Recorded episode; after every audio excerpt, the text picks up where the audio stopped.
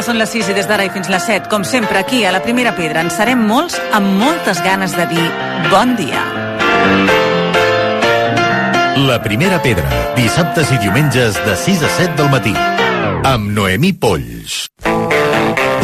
One day London City, a crew called C2C. They came to rock the party. Say what? Els aliments, eh, tenir bons hàbits per menjar aquells aliments que ens fan bé són molt importants i a vegades conèixer-los doncs, és una manera millor d'absorbir segons quines vitamines. En parlem avui amb l'Anabel Fernández, que ella és directora de nutrició de COA. Anabel, bon dia. Bon dia. I hi ha un aliment que l'associem molt amb estar morenos o bé, tenir també salut, que és la pastanaga. La vista, i aquí la, la, la relaciona amb la vista, amb una millor visió. Ara, Anabel, tu ens, ens diràs exactament eh, per què va bé la pastanaga, perquè és un aliment sa. Sí, és un aliment Com totes les verdures. Sí, sí, sí, està perfectament dintre d'una alimentació saludable eh, i jo crec que s'ha alimentat molt aquesta creença no, de que la pastanaga ens porta com la salut visual, inclús vista supersònica, no, per Sí, dir-ho així. sí, sí. I sí que és veritat que té a veure amb la salut visual, és a dir, té una, la, els betacarotens, eh, que són els precursors de la vitamina A, que el que fan és ajudar al desenvolupament visual. O sigui, és molt important, sobretot quan s'estan desenvolupant els nostres ossos durant la infància, ai, els, els nostres ulls durant la infància, i també a l'etapa ja més de persones grans, eh, quan eh, potser estem intentant evitar la dege- degeneració macular. Amb la qual cosa té importància, però evidentment, si tu prens molts, molts betacarotens o molta vitamina A, no començaràs a, a treure la miopia o l'hipermetropia. Les ulleres no aniran a les escombraries si prenem pastanaga. No, no, ni començaràs a veure de nit, ni coses d'aquestes. No té efectes miraculosos, No, això no. està clar. Però sí que aporta una vitamina, que és la vitamina A. Sí, sí, sí, porta el que seria els betacarotens, que són antioxidants, i que després generen en el nostre cos, deriven en el que seria la vitamina A. I, i no només la té la pastanaga, perquè tenim com aquesta associació amb la pastanaga, però al final la, els betacarotens es, els trobem en tots els aliments eh, o vegetals que són d'un color eh, Tronjós? tronjós o, o vermell, moltes vegades, vale? Està, he dit aliments, però després he dit vegetals, perquè dic ara la gent es començarà a menjar patates vermelles. aquestes no, aquestes no aquestes no. això no però la, els vegetals de color així taronja ens aporten tot el que seria, doncs, per exemple, eh, el boniato, eh, Mhm. en, ens aportaria, el mango, eh, un pebrot, tot això ens aportaria. La, La carbassa. Sí, exacte. Tot això ens aportaria. Però també hi ha altres, per exemple, els espinacs o la col, que no són vermells, que també ens aporten aquest, aquests betacarotens. Amb la qual cosa podem, si tenim una varietat bona i sobretot busquem aquests, eh, de tant en tant, color en la nostra alimentació. Moltes vegades jo dic que la gent intenta posar l'arcoiris, no? una miqueta de varietat de colors, perquè cada color ens està moltes vegades uns nutrients diferents que tenen uns beneficis. I en aquest cas pues, ens ajudarien al nivell de la vista i també la gent a l'estiu diu pel moreno, no? ara, ara potser no, no ens importa tant el moreno, no? però al final sí que ajuda una miqueta a tenir aquesta, aquest plus de betacarotens ens ajuda a que la melatonina eh, del nostre cos eh, funcioni millor i llavors ens posem més morenos. Uh -huh. I la vitamina A, a, a part d'això, de, per la vista i per la pell, per què més ens serviria? És a dir, un dèficit de vitamina A, a què ens pot portar? Bueno, podem tenir problemes eh, a, a nivell del sistema nerviós central, podem tenir problemes a això, en, en el tema dels ulls, però al final eh, és una vitamina que, com totes, té, té, està present en diferents funcions. Però sobretot és molt, molt important això, que la incloem, no només, a veure, també està la vitamina A, que seria com liposoluble, que la podem trobar, pues, per exemple, en els làctics, que també, o en, o en els aliments més greixosos, també els podem trobar. Eh, aquí tindríem vitamina A d'origen animal, per exemple, i estaria bé incloure-la. Però al final ens interessa més incloure-la a través dels aliments d'origen vegetal. Com sempre. Sí. Uh, vam parlar de la vitamina D, vam dir que la vitamina D, un excés, no s'elimina per l'orina. En aquest cas, si ens passéssim de vitamina A, és una vitamina que es pot eliminar naturalment i de forma fàcil? A veure, és graciós, perquè si es pot fer, és, és difícil, jo, però jo ho he vist, hi ha gent que es pot posar taronja, o sigui, tipo Simpson. Ah, sí? Amb un excés de pastanaga Sí, de vitamina fa A. molta, però clar, fan aquests liquats i tot, i si fas molta, molta, molta de betacarotens, passa a acumular-se en la pell, llavors es posa com de color taronjós. No seria el millor, sí que pot tenir, però és, és raro, és raro, o sigui, has de prendre molta, molta, molta, però si comences a veure que t'estàs posant taronja, t'has passat, t'has passat. Però és el màxim, un problema estètic, no un problema... Bueno, sí, home, se- segurament té altres problemes, Ja. però però és que és molt... O sigui, és, eh, Seria molt ho has de fer amb ganes, això, Ah. no? Has de fer amb ganes. Per tant, com tots, nosaltres sempre diem que aquests aliments, si els prenem en bona mesura, tindrem la mesura ideal de totes les vitamines que necessitem. Exacte, sí. Amb l'alimentació és difícil anar-nos a excessos. Normalment es donen per suplementació els excessos i això, pues, si fas un liquat, evidentment, si fas cada dia liquats a tope de pastanaga, potser tens un excés, però és més raro arribar-hi. Amb la qual cosa, a través dels aliments saludables, eh, normalment no hem de tenir por. Doncs aquí ho deixem perquè és la millor manera de prendre vitamina A. Amb la pastanaga va bé per la vista, va bé per la pell i, per tant, sí, realment allò que sempre hem sentit a parlar, doncs és bo, és sa. Anabel, moltíssimes gràcies. A tu, Noemi. La primera pedra. Dissabtes i diumenges de 6 a 7 del matí.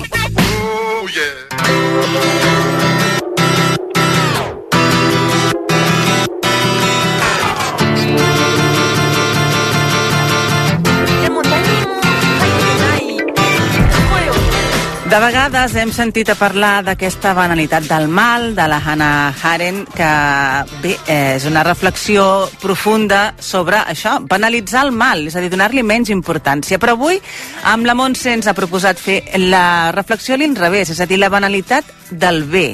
Montse, molt bon dia. Bon dia, Noemí. Uh, bon dia. realment és eh, pensar d'una altra manera perquè és veritat, moltes vegades banalitzem el bé i això és contraproduent segur. Sobretot, jo crec que té sentit en uh, moments, no?, com aquests, no?, de les festes de Nadal, per exemple, Mm. que s'aprofiten per fer alguna bona obra pel pròxim.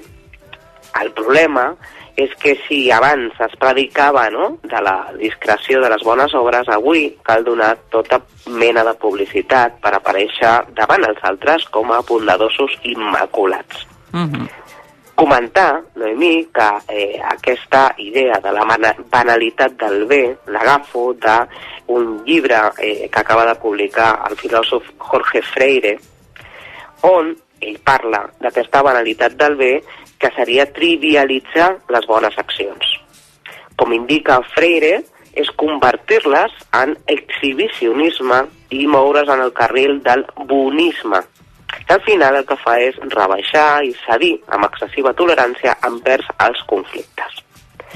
Tu has dit molt bé, es dona la volta a la famosa conceptuació d'Arendt referida a la manera d'actuar dels nazis i el seu seguiment sec d'ordres, canviant mal per bé, en aquest cas doncs, entès com a compliment estricte d'allò que un altre determina.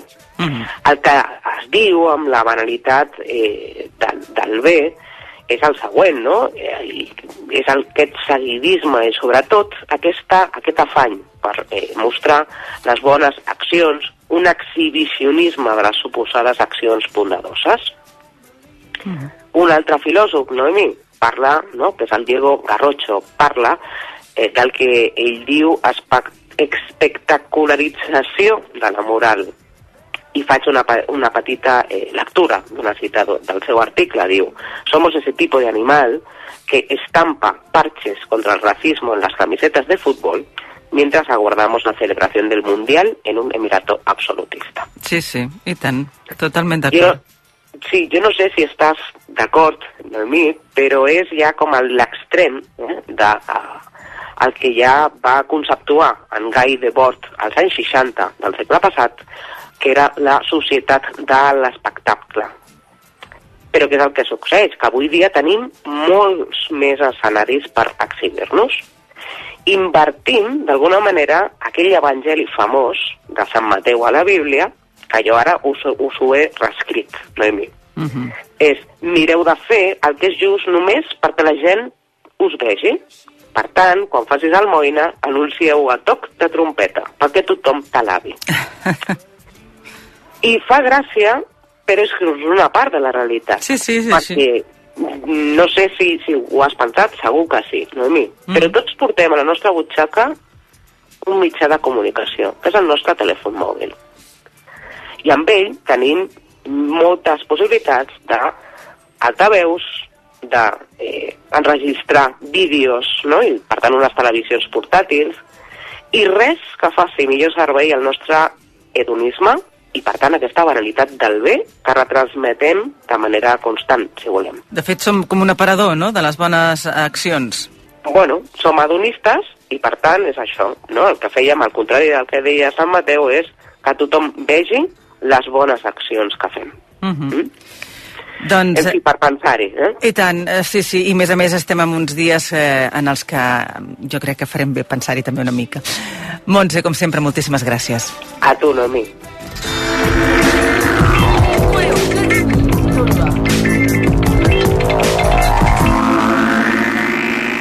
La primera pedra.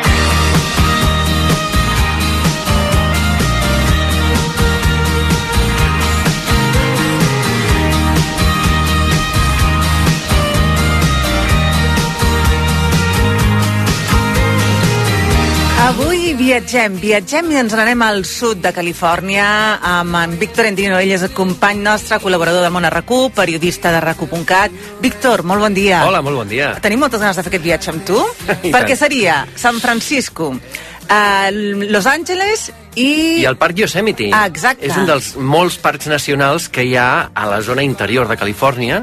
Allà n'hi ha, n'hi ha uns quants, eh? però nosaltres vam optar per aquest, que és on hi ha aquella gran paret de 900 metres que tothom vol escalar, que tu quan la veus des de baix pràcticament no es veuen ni els escaladors perquè es fan tan petits i triguen tants dies, poden trigar 4, 5, 6, 7 dies t'ha en d'agradar pujar aquella molt, paret. t'ha d'agradar molt l'escalada. És molt també, bèstia, eh? és molt bèstia. Però suposo que encara que no l'escalis, només veure-ho, deu Només ser impressionant. Impressiona molt, impressiona molt. Sí, sí, és, és, és allò de... Que, que, imagina't quan et trobes de, davant de la Sagrada Família, que estàs allà baix, que et mires amunt i dius, ostres, que xulo és això, uh, doncs multiplicat per 4 Sí, o per sí, les 5... dimensions, o, eh, les, sí. et quedes petit davant la natura, no? És que- l'espectacle de la natura, que sembla un tòpic, però és que realment deu ser així. Però perds totalment la noció del que és una cosa molt gran, molt gran, o una cosa colossal, perquè és que no saps si ho tens molt a prop o molt lluny, perquè realment ho veus tan gran que sembla que ho tinguis a davant, però quan t'hi vols acostar no arribes mai Clar. perquè és immens. És I és immens. increïble aquest contrast també que deu haver entre natura i després quan te'n vas a Los Angeles o San Francisco,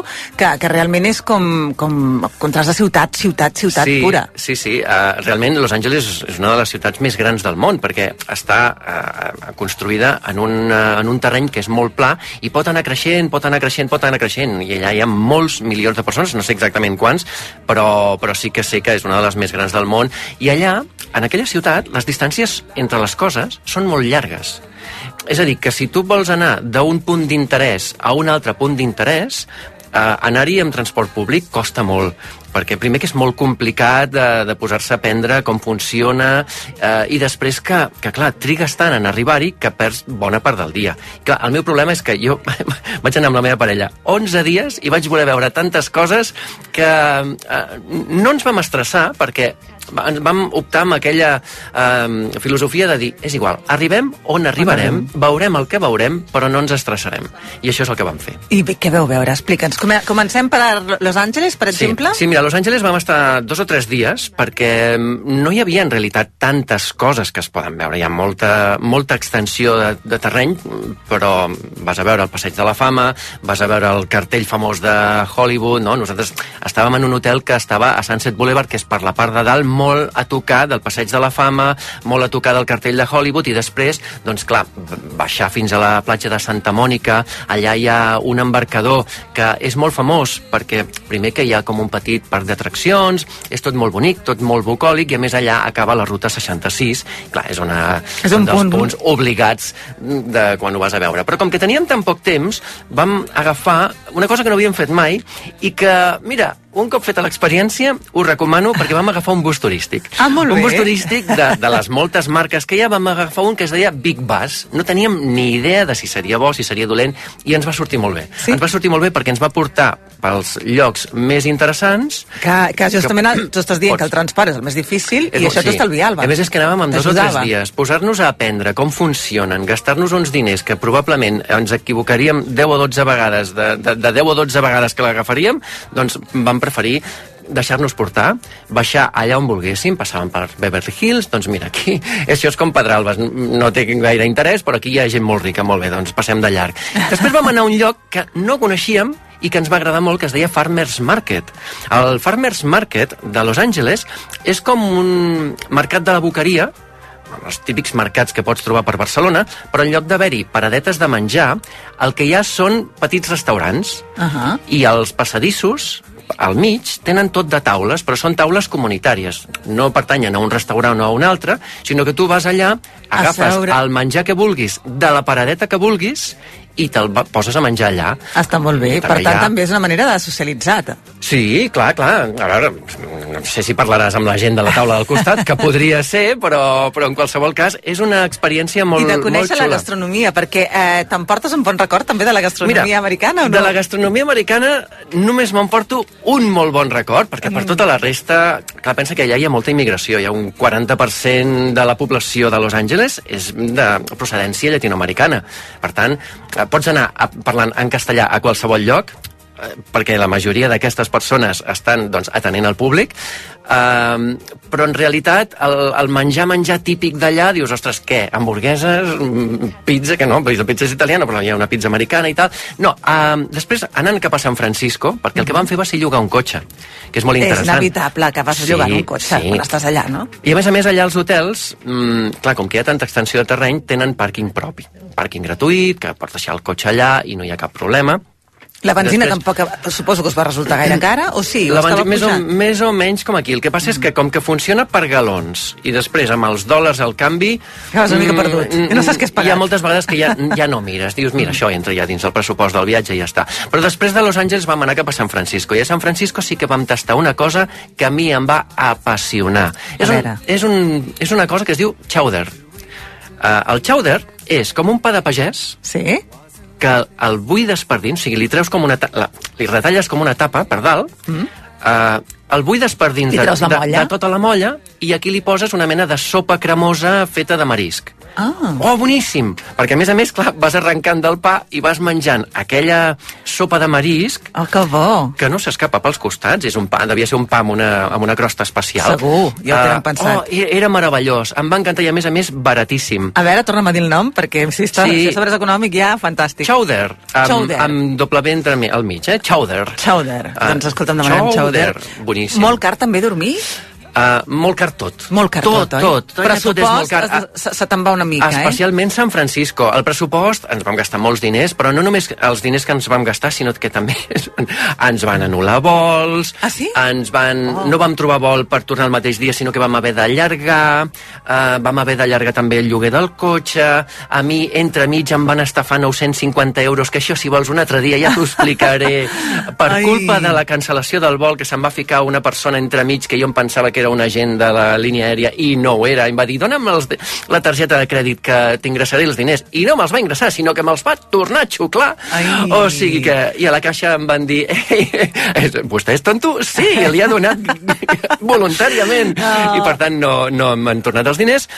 Però, però és igual, és igual. No M'ho vaig passar tan perquè, bé. Això t'anava a dir. Sí. Suposo que el tornar d'aquest viatge és un viatge d'aquells que et marca una mica, no? Sí, Perquè sí, al final està ple de sí. contrastos, però també difer és diferent. De Sí, tot el que em m'agrada més San. Francisco que Los Angeles. Sí. San Francisco és més petit, és una mica com Manhattan, que els barris i les zones estan com tot més junt entre ell, uh, tot i que Manhattan és pla i San Francisco té, no sé si heu vist a les pel·lícules, té unes, Unes pujades pujades i unes baixades baixades. increïbles. Vas al port i allà també hi ha un embarcador també molt típic, molt, molt maco. Allà hi ha un... Té més hi ha, hi ha, hi ha molts personalitat, no? embarcadors. I a la sí, part- està ple de lleons marins. Mm. -hmm. hi, ha, hi ha lleons marins allà, als embarcadors, entre les barques, allà prenent el sol, són immensos, i els hi fas moltes fotos, i és molt xulo. És molt més car. San Francisco és horrorosament car. Clar, és, és que no com- et pots entaular, perquè si per És menys de 40 o ciutat 50 rica, no? euros És per persona... rica. Sí, Sí, sí. és la ciutat rica. 40 o 50 euros per persona, eh, per menjar. Mm, sí, cada ara, pat.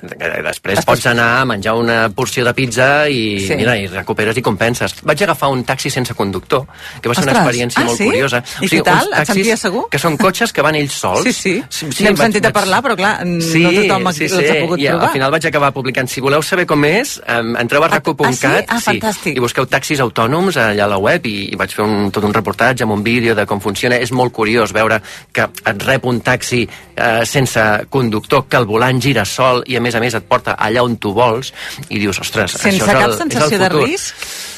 No, perquè jo sempre confio molt en la tecnologia, no? Aleshores, jo Sí, ja, ja- m'imagino...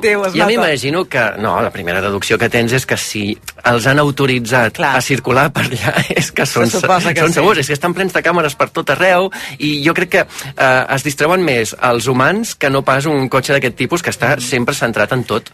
Uh, estem parlant d'unes ciutats uh, riques en principi, Sí. però hi ha molt de contrast també Sí. econòmic. Uh, I abans Sí. et preguntava, escolta, m'afecta fentanil o Mira. la droga que tant està marcant ara l'actualitat? Sí, Uh, la vas notar? I, i hi ha moltes ciutats, se n'ha parlat eh, que als Estats Units hi ha moltes ciutats on hi ha molta gent que està caient en aquest tipus de droga, que és barata i és molt destructiva. El que passa és que jo personalment, eh, circulant per Los Angeles i circulant per San Francisco, no vaig tenir la sensació que fos un problema molt massificat eh, en aquelles ciutats. Uh -huh. Potser te'n vas a Filadèlfia i sí que t'ho trobes. El que sí que vaig trobar és molta gent sense llar. Eh, molts campaments, allà la gent eh, fan servir moltes tendes de campanyes, fan les seves barraques en unes voreres que són llarguíssimes, no s'acaben mai, i, i et trobes unes voreres eh, de quilòmetres amb campaments de tendes de campanya i barraquetes fetes amb lones i coses així. Uh, sí que hi ha molta, molt sensellarisme, que es diu, no? Que, que, que llavors sí que te n'adones dels contrastos, no? De, de la gent que guanya molts diners, que es gasten molts diners, passes per, pel costat de, de la seu de Netflix, passes pel costat dels estudis de Paramount, Universal, tots el, tot el que vulguis. Estàs a Hollywood, però Hollywood també té una altra cara oculta que realment és molt, molt lamentable. Mhm. Vas anar-hi l'octubre, bona època per anar-hi? Ho recomanes? És una, és una època O curiosa. triaries- o triaries una altra, És una època que la vam escollir perquè no, perquè no, hi ha, no hi ha ningú. I a mi, a mi a moltes cases ja estaven decorades de Halloween. Ah, carai. a fi- finals d'octubre era tot, eh? la setmana prèvia a Halloween i allà, allà les cases les decoren però amb molta, amb, amb molta passió. No? I posen moltes coses, posen moltes decoracions, sobretot a la façana exterior. Aquelles casetes que tinguin un petit jardinet, perquè eh, allà hi ha moltes més cases que tenen jardinet exterior que no pas aquí, que tots vivim en pisos, no? Allà tenen terreny i allà poden fer unes cases més grans i està tot, tot molt bonic. Passa que, clar, fa fred. A, los, a San Francisco es veu que, m'ho va explicar la Mònica Usart, que entra una mena de corrent perpetu que està tot l'any entrant un corrent que ve d'aire del nord i sempre fa fred. Mm. Uh, encara que te n'hi vagis a l'estiu, sempre al que se'n va el sol, passes un fred i em va dir, vés-hi amb moltes capes perquè si agafes un bus turístic a San Francisco i estàs a la part de dalt, que no té sostre, i passes pel Golden Gate, pel pont aquell famós, Sí, sí. uh, us morireu de fred. I sí, efectivament, així va passar, però anàvem abrigats Per i tant- gràcies a la Mònica Usart no I vam agafar una I pulmonia. ara, gràcies a tu, a tots els oients que ens estiguin escoltant, ara sí han d'anar, escolta'm, que facin allò de la ceba, no? Anar-se ficant capes Sí, i... exacte. posant-hi traient. Exacte, i que mirin de tenir una tarifa de mòbil amb dades Ah, il·limitades, perquè si fas servir Google Maps anirà molt bé perquè allà els peatges, si llogueu un cotxe, els peatges són molt complicats d'aconseguir pagar-los, perquè no hi ha les típiques casetes on tu pagues amb targeta, no.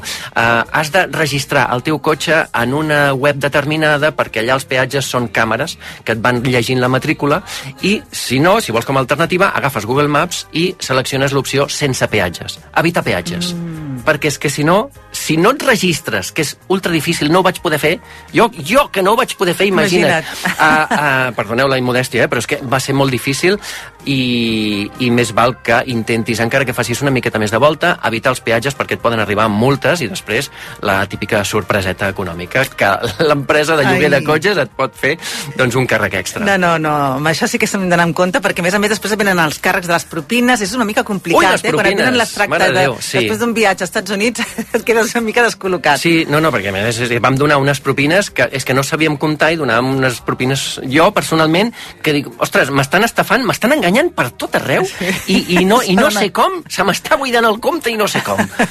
Sí. sí que ho hem de vigilar una mica. Sí, sí, sí. Doncs escolta'm, Víctor, ens han agafat moltes ganes d'anar cap a Us ho Califòrnia. recomano, sí, sí, Ho sí. farem, ho Aneu-hi, farem. aneu-hi. Moltíssimes gràcies per ser aquí. A tu, que vagi Una molt bé. La primera pedra, dissabtes i diumenges de 6 a 7 del matí. I mentre preparem viatges pels dies de vacances que han de venir, volem gaudir del camí i en Jordi Margarit ens fa una proposta per fer una sortida a casa nostra. Bon dia, Jordi. Bon dia, Noé. Avui us convido a passejar per un d'aquests pobles del país que de la pedra seca n'han fet una obra d'art. Voleu xalar?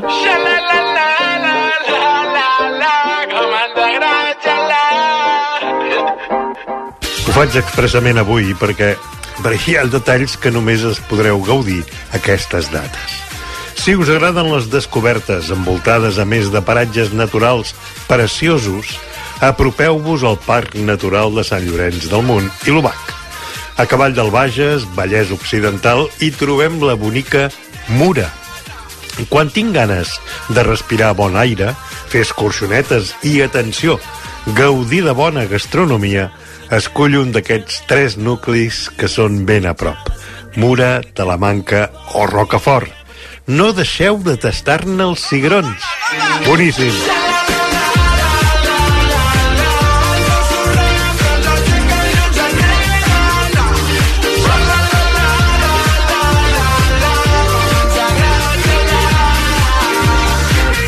Érem a Mura, però. Carrerons de pedres, cases de pedra i pau. Molta pau i tranquil·litat. Ep, ara bé, aquests dies el batibull infantil és notori. Resulta que des del 2 de desembre i fins Reis, els tions han envaït Mura. Clar, n'és temps, i els tions surten del bosc i omplen carrers, places i llars. En podreu trobar de tota mena i mida, vestits, abrigats o destapats, fan les delícies de la mainada i simpatia a dojo als més grans. És una passejada molt agradable, amb sorpreses a cada cantonada. El talent i un toc de modernitat acompanyen aquesta tradició que hem fet ben nostra. Tió i Mura, una combinació ineludible.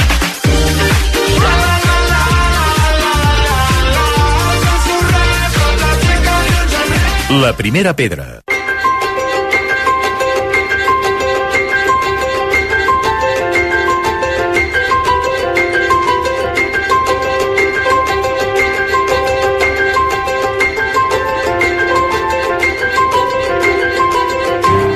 Dies descobríem un editorial que ens sorprenia amb alguns títols especialment sensibles amb la natura, entre ells el llibre Bird Girl, que explica la vida de Mia Rose Craig, una activista en l'àmbit ecològic i amant de les aus. Parlem de l'editorial Errata Naturae, que ja n'havíem parlat i avui volem destacar un llibre carregat de sensibilitat i poesia visual. És un llibre il·lustrat en el que disfrutes només de fullejar, estem parlant de viatges pel meu jardí i en parlem amb la Emilia López, que, és, que n'és l'editora. Emilia, bon dia, buenos días. Buenos días, Noemí, buen día. Óyeme, qué delicia de libro. Ya el formato es un formato grande y las ilustraciones son una preciosidad. Ahora decíamos, pura poesía. Sí, es, es un libro espectacular. Yo cuando lo vi en la edición original francesa me enamoré, sea, caí rendida y no, no dudé ni un momento que tenía que conseguirlo. Eh, es Nic- un libro que... Sí, dime, perdón. No, iba a hablar de Nicolas Julibot, que es el autor, que, que ya él es un personaje, es decir, que su trayectoria eh, apetece seguirla ya. Sí, sin duda. Él es un ilustrador y escritor que toda su vida se ha dedicado a viajar alrededor del mundo. Es un experto conocedor de China, los países bálticos, todo el sudeste asiático y es un enamorado del viaje. Eh, lo que hizo un poco con este libro es que antes de la pandemia, en el 2019, fíjate cómo se adelantó a todo lo que iba a pasar Sí, después, sí, sí. decide dejar de viajar porque se da cuenta de que lleva toda la vida viajando y es incapaz de reconocer un ave o una planta de, de las que tiene cerca. Y aprovechando que tiene un jardín en su casa eh, que lleva, lleva siendo de su familia casi unos 200 años, pues decide parar y decide que va a quedarse en ese jardín y va a describir todo lo que hay en ese jardín durante un año completo. Además es que las, las ilustraciones son preciosas, son sus ilustraciones. Es un, dio- un libro ideado y diseñado por él mismo, todo de pe a pa. Exacto, sí, es un libro que además él, él conjuga dos elementos que es difícil a veces encontrar, que dibuja extraordinariamente bien y escribe muy muy bien, porque sus libros, sus textos son muy poéticos, muy emotivos, o sea, realmente disfrutas tanto en lo que es el modo, o sea, la de manera visual, o sea, cogiéndolo, tocándolo y observando los dibujos, como incluso leyendo los textos que son, son preciosos. Además habla de las estaciones. Con él eh, haces un recorrido no solo por el jardín propio, sino también por, por las estaciones del año, por, por jardín y por huerto, por animales y por plantas, por frutas, incluso por, por, por hortalizas, ¿no? Sí, exacto. Él lo que hace un poco el libro, lo que está es- está de- está como crea, o sea, lo que es el libro es lo que tú decías, un año completo, va estación por estación y a la vez nos va narrando esos 200 años de jardín, desde que fue un terreno de cultivo, así sin nada más, hasta que poco a poco se construyó una casa de aperos, luego una vivienda y luego sus, sus bisabuelos lo compraron y ya toda su familia vivió allí. Y lo que dice es un poco también, aparte de, es muy bonito porque también habla un poco de todo lo que él ha plantado en ese jardín y luego lo que ha llegado por sí solo, que viene marcado en el libro, pues estas especies vagabundas que de repente te nacen unas flores en el jardín porque han traído una semillita el viento o unos animales. Luego te habla de la relación con los mirlos que han anidado en su jardín, cómo consigue también, bueno, cómo se relaciona también con una sapa que está allí todo el año, cómo crían unos erizos, no, es, el libro es muy bonito porque habla un poco de cómo esa biodiversidad, pues cómo funcionan unos con otros, ¿no? Cómo se combinan eh, animales, plantas y cualquier tipo de especie. Además es que llega a dignificar los chinches, los escarabajos, las arañas, absolutamente todo. Sí. Claro, es que todo tiene su importancia y todo tiene su, su valor allí en el jardín. Entonces, claro, las chinches, pues es, precioso. Luego cuenta algo muy bonito, como cuando pone a secar los higos que recoge de la higuera, cómo aparecen todas las mariposas a, a chupar la pulpa de los higos, o cómo descubre que unas una especie de larva que encontraba bajo tierra cuando estaba trabajando el huerto. Al principio se asustaba porque creía que eran peligrosas y luego descubre que no, que son las larvas del escarabajo ciervo, que es muy bueno para, la- para el ecosistema. De hecho, habla incluso de sentimientos. eh, Los de su abuela eh, perdieron a, un hijo menor, al hijo menor, y cómo él describe esa pena que arrastra también al, al- al jardín y que, y que llevaba su, su abuela, y que la describe con frases como: Tras una sonrisa tímida, mi abuela estuvo al borde del llanto cada minuto del resto de su vida. Como decías tú, es poesía pura. Sí, no, es precioso. A mí la historia de sus abuelos es de mis favoritas porque además él tiene una relación muy bonita con ese jardín cuando él es un, cuando él es el nieto, claro, y es chiquitín, pues sus padres lo llevan ahí para que los cuiden sus abuelos y cuenta un poco cómo seguía a su abuelo a escondidas mientras el abuelo trabajaba en el huerto.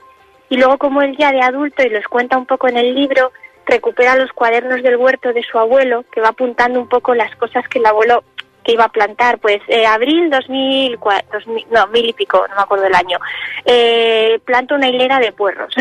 Entonces incluso él ve ahí la poesía también en esos cuadernos tan escuetos, esa magia que le recuerda a su infancia de observar a su abuelo plantando.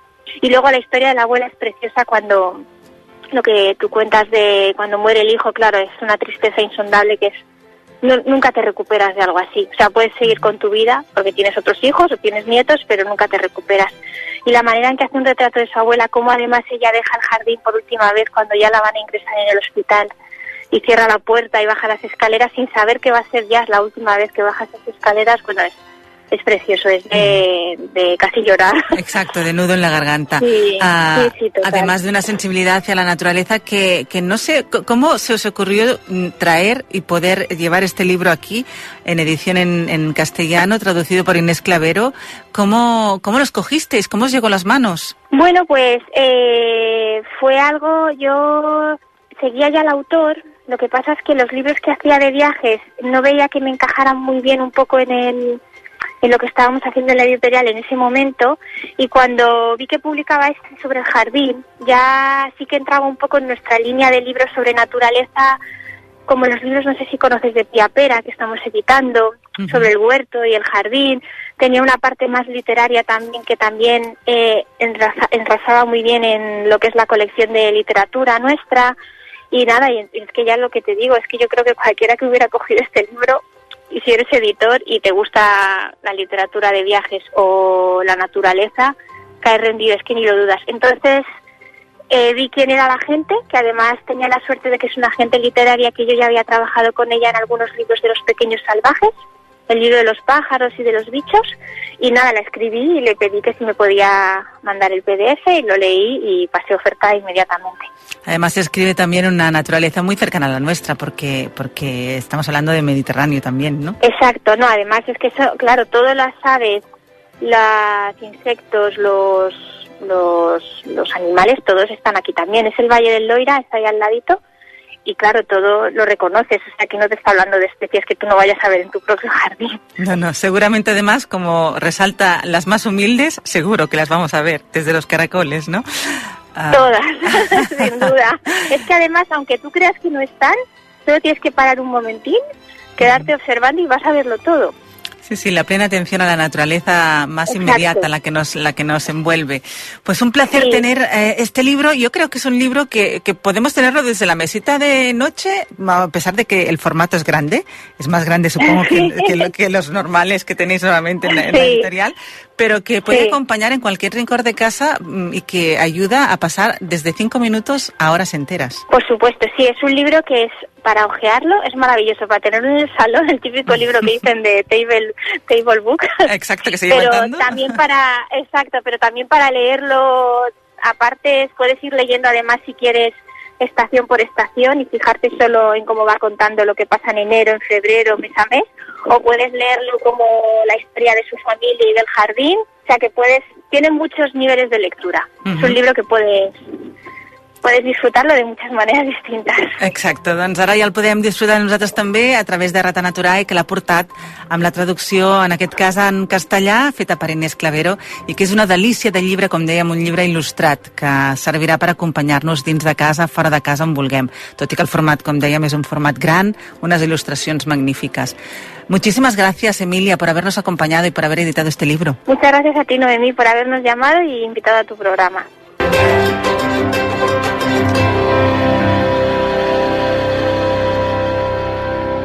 La primera pedra, amb Noemí Polls.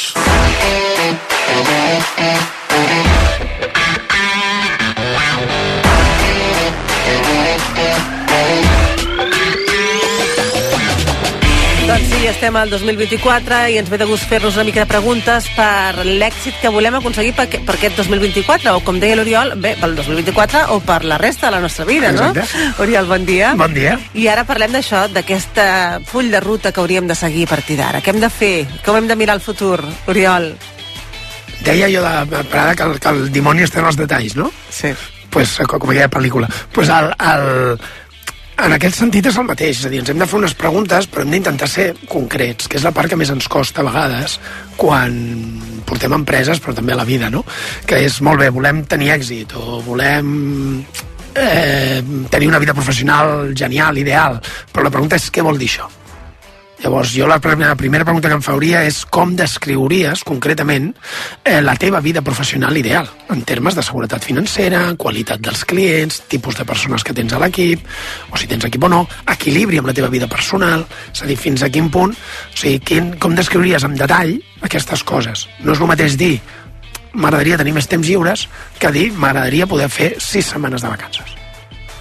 Dues coses diferents. I aquests són objectius que estan molt bé, també. És a dir, que en el món empresarial arribar a pensar no, vull arribar a tenir uns dies de vacances Sí. absoluts. Jo, Eh, És un bon objectiu. Home, això és un bon objectiu, clar, és a dir, el- el- l'empresari, el poder tenir temps... És, és, Que en realitat, parlar una vegada. No cal sempre que siguin números de de més, més, més, Bueno, més, més, sinó no he, més conegut, qualitat. no he conegut mai cap empresari que desitgi en el seu allò, en el llit de mort dir vaig fer tots els diners que volia, sinó he passat el temps que volia amb la meva família, he fet les coses que volia fer, no? Vull dir que al final això és el, el resultat final. Però clar, un cop tens això, que ha de ser concret, han de ser objectius molt concrets, has de definir prioritats. Escolta, durant aquests propers mesos, per aconseguir aquesta vida ideal, en quines dues, tres coses em centraré? En delegar, en buscar aquest tipus de clients, en quines dos o tres coses. I això són prioritats, i és important marcar-les perquè si no comencem a navegar i passa l'any i l'any que ve tornarem a estar exactament amb les mateixes preguntes, perquè no haurem fet res. Vale? En tercer lloc és dibuixar un full de ruta, el que deies tu al principi, que és dir, molt bé, tenim aquestes prioritats, llavors cadascuna d'aquestes prioritats què necessita? Pues si vull aconseguir més temps, si vull aconseguir fer sis setmanes de vacances, necessitaré cobrir certes coses necessitaré delegar algunes de les activitats que estic fent ara a, a certes persones. Si aquestes persones no estan preparades, formar-les. Vull dir que hem de saber quines fites... Mira, doncs el proper pas és que aviam si d'aquí un mes aquesta persona que li vull delegar això eh, ja sap fer obrir l'ordinador o bé fer servir aquell programa. D'acord? És a dir, has de posar coses molt, molt, molt concretes. Perquè si no, el que passarà és que s'anirà passant el temps i no ho faràs. I després has d'anar més al detall del negoci, que és amb quins clients vols treballar, Aquesta és important també, eh? Sí, Perquè perquè... les diem tots, tots, tots, tots, però en canvi n'hi ha que potser no... Això ho hem parlat alguna vegada, I quins tant. són els clients idònics, doncs, per tant, quins són els clients més valuosos i per què són els més valuosos? És a dir, el, el, són més valuosos perquè compren molt, perquè ens donen poca feina, per, per què? Perquè compren les coses que a nosaltres ens agrada fer, per què són tan valuosos, no? I, i com podem atraure'n més? Perquè tu qualsevol objectiu que tinguis, fins i tot el de fer sis setmanes de vacances, dependrà de tenir els clients bons.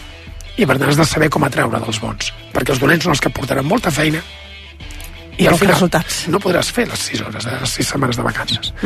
I per últim, quin producte? Uh, dèiem fa unes setmanes no? que s'ha de gaudir i fer gaudir. El... Quan nosaltres triem els clients i triem el producte concret o el servei que volem prestar, eh, el que fem és això, és intentar gaudir del nostre negoci. Hi ha coses amb les quals no disfrutem i estem fent-les només per inèrcia, no ens donen diners, no són valuoses, però, bueno, perquè sembla que ho hem de fer, i hi ha altres coses que disfrutem que les deixem de fer per molts motius. Llavors hem de saber quins són aquells productes que aporten més valor als teus clients i a tu mateix. Uh -huh. Doncs no són objectius uh, fàcils, però sí que són pràctics. Podríem dir que pràctics. són, són necessaris. simples, però no fàcils. Ah, exacte, simples però no fàcils, sí senyor. doncs Oriol, com sempre, que tinguis bon any, evidentment, i, Igualment. i que ens veiem ben aviat. I tant, que vagi bé.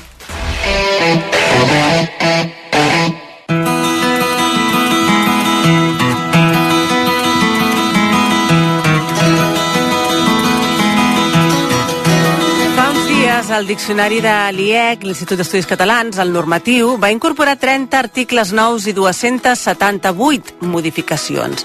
En volem parlar amb l'Anna Lárcia, que ens parlarà d'aquestes novetats de l'IEC i del procediment per fer modificacions al diccionari. Anna, bon dia. Hola, bon dia.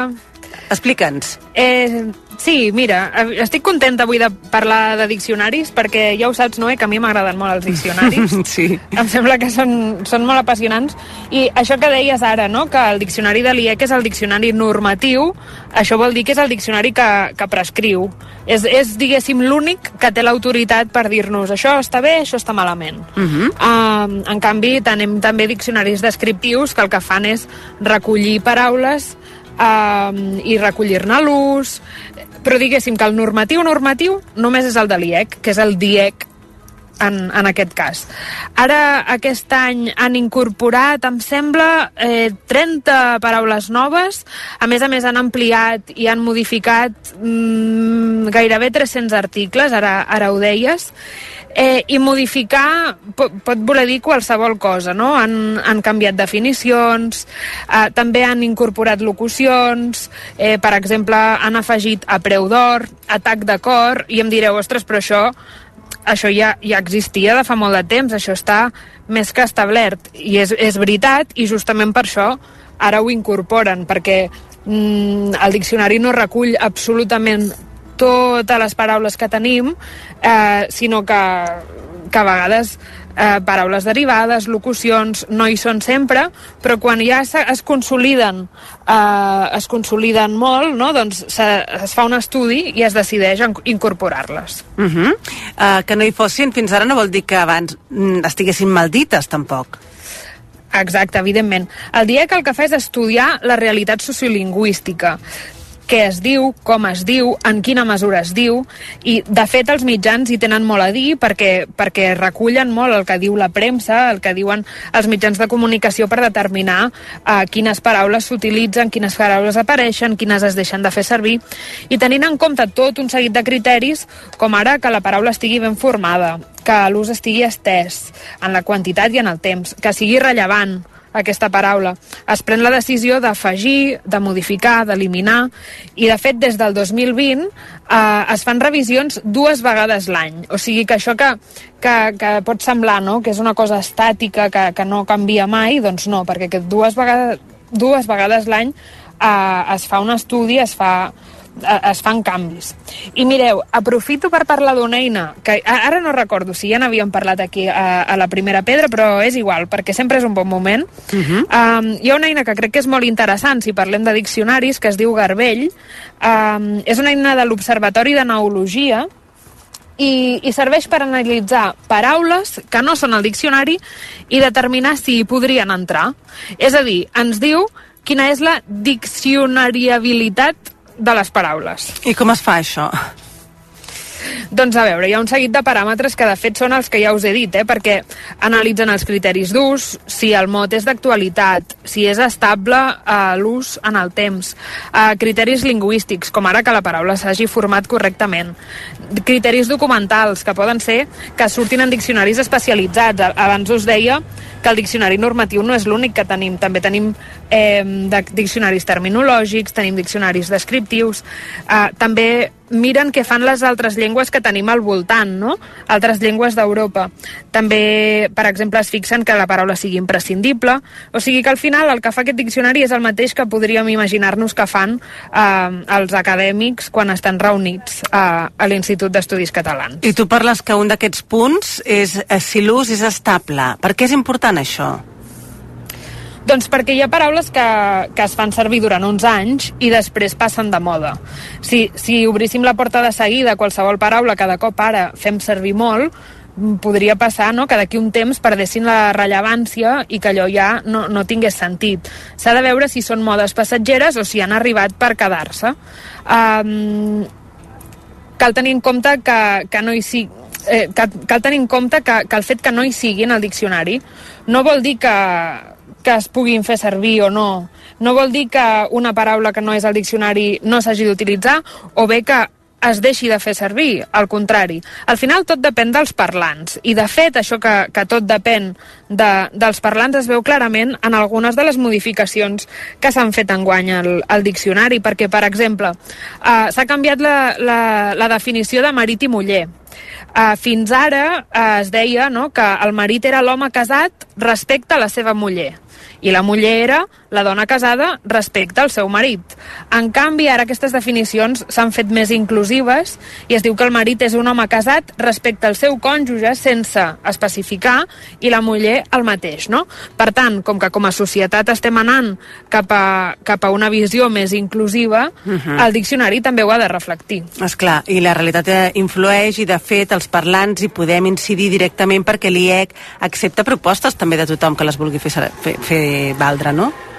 Sí, sí, tant. Eh, tothom és benvingut a fer propostes. De fet, també mm, individualment, o ja sabeu que cada any hi ha el concurs del neologisme de l'any de l'Observatori de Neologia, i aquest any, de fet, ha, ha entrat al diccionari Birra, que va guanyar el concurs de, de l'any passat, crec, si no m'equivoco. Per tant, el, el, que, el que hi hagi de dir la gent, no només en els usos, sinó si volen interpel·lar l'IEC directament, ho poden fer, i si voleu eh, practicar i fer servir el garbell per dir, escolta, a veure, a veure si sóc un bon, un bon filòleg, doncs ho podeu fer. Està molt bé. Doncs mira, ja sabem eh, tot això que ens aporta ara l'IDEC i que, que són paraules noves i noves coses perquè la llengua és viva, afortunadament, la catalana. Anna, com sempre, moltíssimes gràcies. Gràcies a vosaltres. La primera pedra arroba racu.cat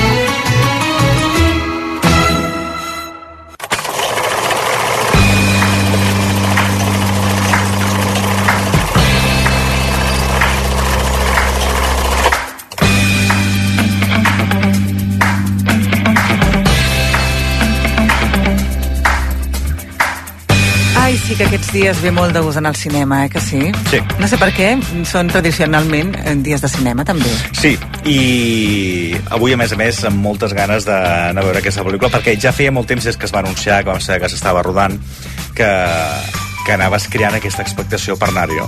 Um, és una pel·lícula que a partir del dia 4 de gener es pot veure a Netflix, però s'ha d'anar a veure al cinema. Sí? És espectacular. Oh. Sobretot té uh, uns moments que són d'aquests de pantalla gran i de so eh, que t'envolta sí, sí, ha de ser així. Per molt que després la puguis veure a la televisió, eh? però mm, és d'aquelles pel·lis que, que no té cap mena d'excusa de no, de no anar-hi. És La Sociedad de la Nieve.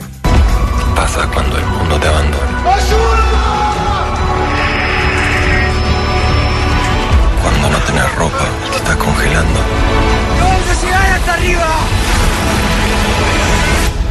Que és Cuando no tenés comida y l'adaptació que ha fet el Bayona de l'accident que hi va haver d'un avió que portava un grup de jugadors cap a Xile per jugar a un partit, això va ser als anys eh, 70, el 1972, i aquest avió, com ja es, eh, s'ha sabut amb totes les històries, amb les pel·lícules que s'han fet, eh, es va accidentar, van estar perduts més de 70 dies al mig de la muntanya i va haver un moment que per sobreviure van haver de menjar-se. Sí, sí. Això és el que més ha transcendit, no? Sí. Els companys Tot i que morts. aquesta pel·lícula el que fa és, a dir, és no entrar tant en el debat de, de, de si has de menjar o no has de menjar en el debat que seria el que hi hauria a l'entorn de la pel·lícula uh, Viventer fa ja Mhm. uns quants anys, sinó que Res aquí a veure, seria eh, la pel·lícula. res a veure, Mhm. res a veure. Aquí és la força que es uh, crea entre els supervivents que estan allà aquesta Societat de la Nieve, no? aquesta amistat que és absolutament inquebrantable. Boníssima, és que no et puc dir res més. Doncs, Boníssima. escolta'm. a més a més, el Bayona ha fet una molt bona tria dels personatges, dels actors, l'explicació, la filmació de l'accident, eh, que en algun moment fins i tot fas així una mica com tancar els ulls per no veure aquestes, aquestes imatges. I sobretot molt emotiva també la part final. Boníssima, és que no hi ha res, res No, no, més a doncs dir. mira, que els oients hi vagin i, i et dic, jo també hi aniré, perquè no l'he vista. Doncs, No l'he vista, em pots eh, posar falta. Falta. Ah, exacte, a veure si... A veure si- a veure si vas avui i demà em dius que exacte, sí. Exacte, i demà sèrie televisiva? I demà seré televisiva, així que com que és la vigília de Nadal he pensat que, mira, que sigui una miqueta... Nadalenca, ai sí. Que No, bé. no. Ah, no? No. Tot el contrari, vaja. Tot el contrari. Molt bé, doncs demà ens ho expliques. Que vagi bé. La primera pedra, dissabtes i diumenges de 6 a 7 del matí, amb Noemí Polls.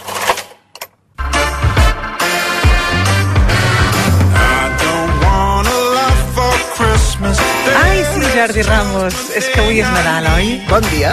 Molt bon dia. És Nadal, avui és Nadal al món, Aquest, demà és la aquest. nit de Nadal, dilluns és Nadal, jo sóc nadalenc... bueno, és que és un combo total, no, això? Sí, sí, no podia faltar aquest barret que avui t'has posat aquí de Pare Noel. Fantàstic. Home, és que havíem de fer ocasió, Ai, avui sí. és, eh, estem tots a festa. Sí, senyor, sí, senyor. Ens agrada molt això. I escolta'm, uh, Eurovisió. això, Eurovisió, que Clar, no mengem al Nadal a Eurovisió. És que Eurovisió també és molt nadalenc. Ja m'ho penso. Sí, aquest, per exemple, que estem sentint, Sí. és César Samson, que va ser el guanyador pel jurat de l'any 2018, que anava per Àustria, i que després va treure un disc de Nadales, com molts altres cantants que han passat pel festival i que han fet Nadales, com, per exemple, ara que parlàvem d'Àustria, no sé si recordes les d'aquest any, les de Pou, Pou, Pou, mm. -hmm. doncs ara canten Ho, Ho, Ho.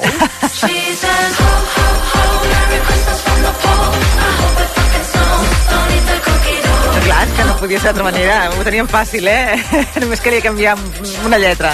Tonteia i Selena eh, han anunciat que pleguen, per cert, però abans s'acomiaden amb aquesta cançó que està dedicada a la Mare Noel. Mm? Molt bé, molt bé. No, no deixen el seu posat feminista i posats a recordar, recordes la presentadora d'aquest any, aquella dona rossa amb Sí. tanta personalitat que Sí, tenia? sí, sí. Doncs ella és la Hannah Waddingham.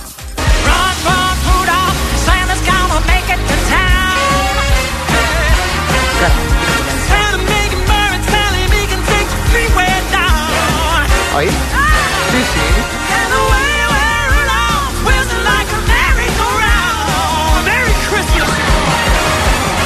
Doncs no està sola aquí, l'està sentint en combo amb Sam Ryder, que va ser el segon Eurovisió de l'any passat, i eh, cantant aquest Run, Rudolf Run, amb referència al ren del Pare Noel, el Rudolf, que és tan conegut al món anglosaxó.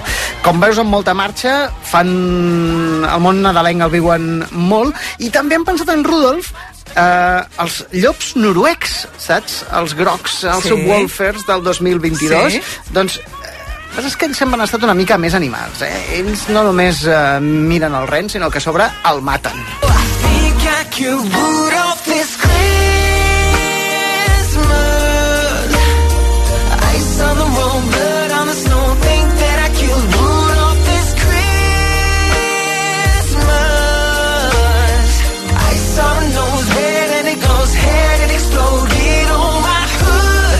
manera molt dolça, eh? Però la frase és I think I killed Rudolph. Oh. Crec que he matat el Rudolf. Molt malament, perquè ens enganyen ben bé amb aquesta dolçor. en fi. Bueno, sempre ha estat una de les seves gràcies. I aquí seguiran, en aquest cas, fent col·laboració amb el grup AU. Mm -hmm. Doncs ens agrada, ens agrada. Sí? Aquesta no te l'esperes, mira. No? A veure. Home,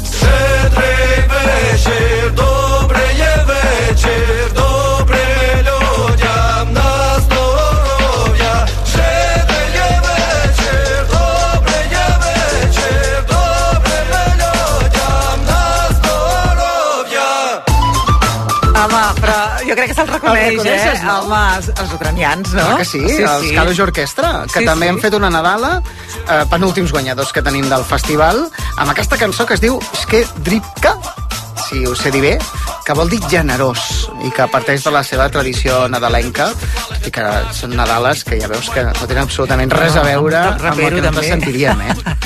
Absolutament res. Sí, sí. No sé, jo crec que és un dels encants d'Eurovisió, no? Que et Oh, permeten tant. descobrir noves cultures. Eh, També va triomfar, eh, des del punt de vista tradicional, l'Alexander Rybak.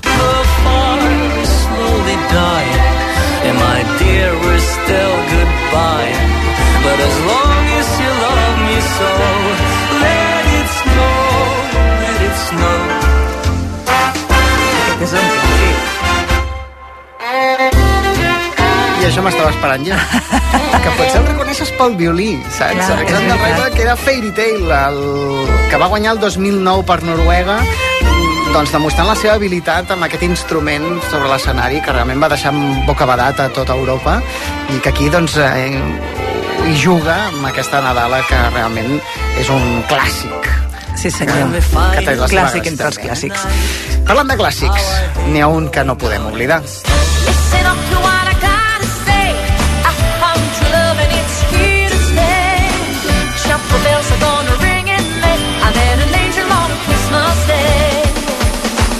24th of December.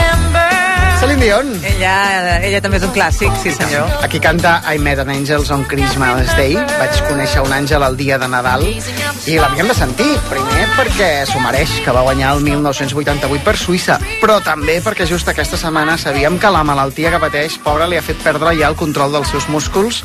Ho explicava la seva germana Claudette Dion, tot i que també es mostrava convençuda i esperançada de que podrà recuperar-se i podrà tornar als escenaris i tornar a fer cançons i fer-nos gaudir d'aquesta manera. tant de bo. Valia la pena recordar-la, valia la pena fer-li homenatge, enviar-li una abraçada forta des d'aquí, eh, saber que no l'oblidem mai i bé sentir-la així de mona, perquè realment sempre és un plaer sentir a Celine. Home, és una de les grans, com dèiem, sí senyor. En fi, una altra cançoneta Nadala molt mona és la del nostre Marco Mengoni.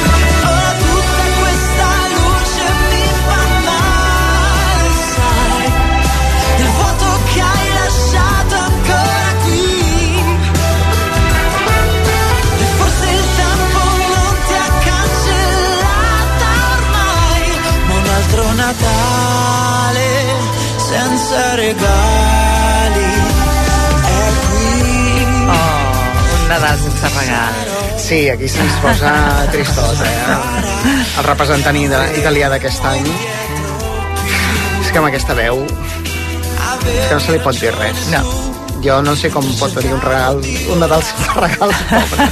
Estic convençuda, no sé, per, no sé per què, que sí que a algun li deu caure, eh? No em fa patir gaire. Sí, sí, que li ha anat molt bé aquest any. Ha estat, I ell tant. ho ha dit molts cops, que aquest 2023 ha estat el seu any. Fins i tot ens va explicar aquí a la primera pedra que, que potser, que segurament es tornarà a presentar d'aquí 10 anys una altra vegada a Eurovisió, per tant, benvingut serà i aquí l'esperarem amb els braços oberts, Sí, perquè senyor. realment les dues vegades que hi ha estat ha estat espectacular. Aquest any la seva balada va ser de pell de gallina i, i mira, aquí el tens. Sí, senyor, doncs estem encantats de tenir-lo i tancarem amb una de casa, no? I don't want to dream a dream without you. que és la nova Nadala de la Bet. Um, a més, aquesta l'ha cantat amb el Miqui Núñez, un altre Eurovisiu, i amb la Mariona Escoda, l'Helena Gadel, la Pau i amb Joan Garrido, en un espectacle de la Sinfònica de Copla i Corda de Catalunya que es deia precisament com aquest tema, que es diu The Spirit of Christmas. Que bonic. Doncs la millor manera de tancar el programa, eh, que sí? Jo crec que no hi ha dubte per agafar-ho tot, anar-nos-en cap al Palau de la Música. Sí, senyor. I allà acabar de celebrar-ho bé. I després ja vindrà el 24, 25. Per tant, des d'aquí, escolta'm, Jordi, que tinguis bon Nadal, bon Sant Esteve, etc etc. Igualment. Abans d'acabar l'any, per això, bona ens veurem. Home, i tant, per favor. Ah, quin sos tu. doncs vinga, que vagi molt bé. Hi ha molt d'Eurovisió per sentir. Clar, clar, clar. Adéu-siau. Bon dia.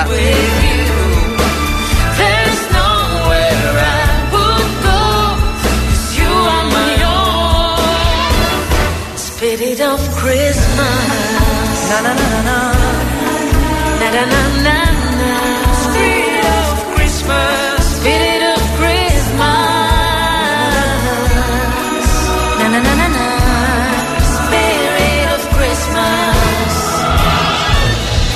Come with me tonight.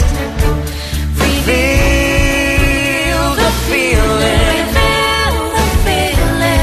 Reveal discolor lights light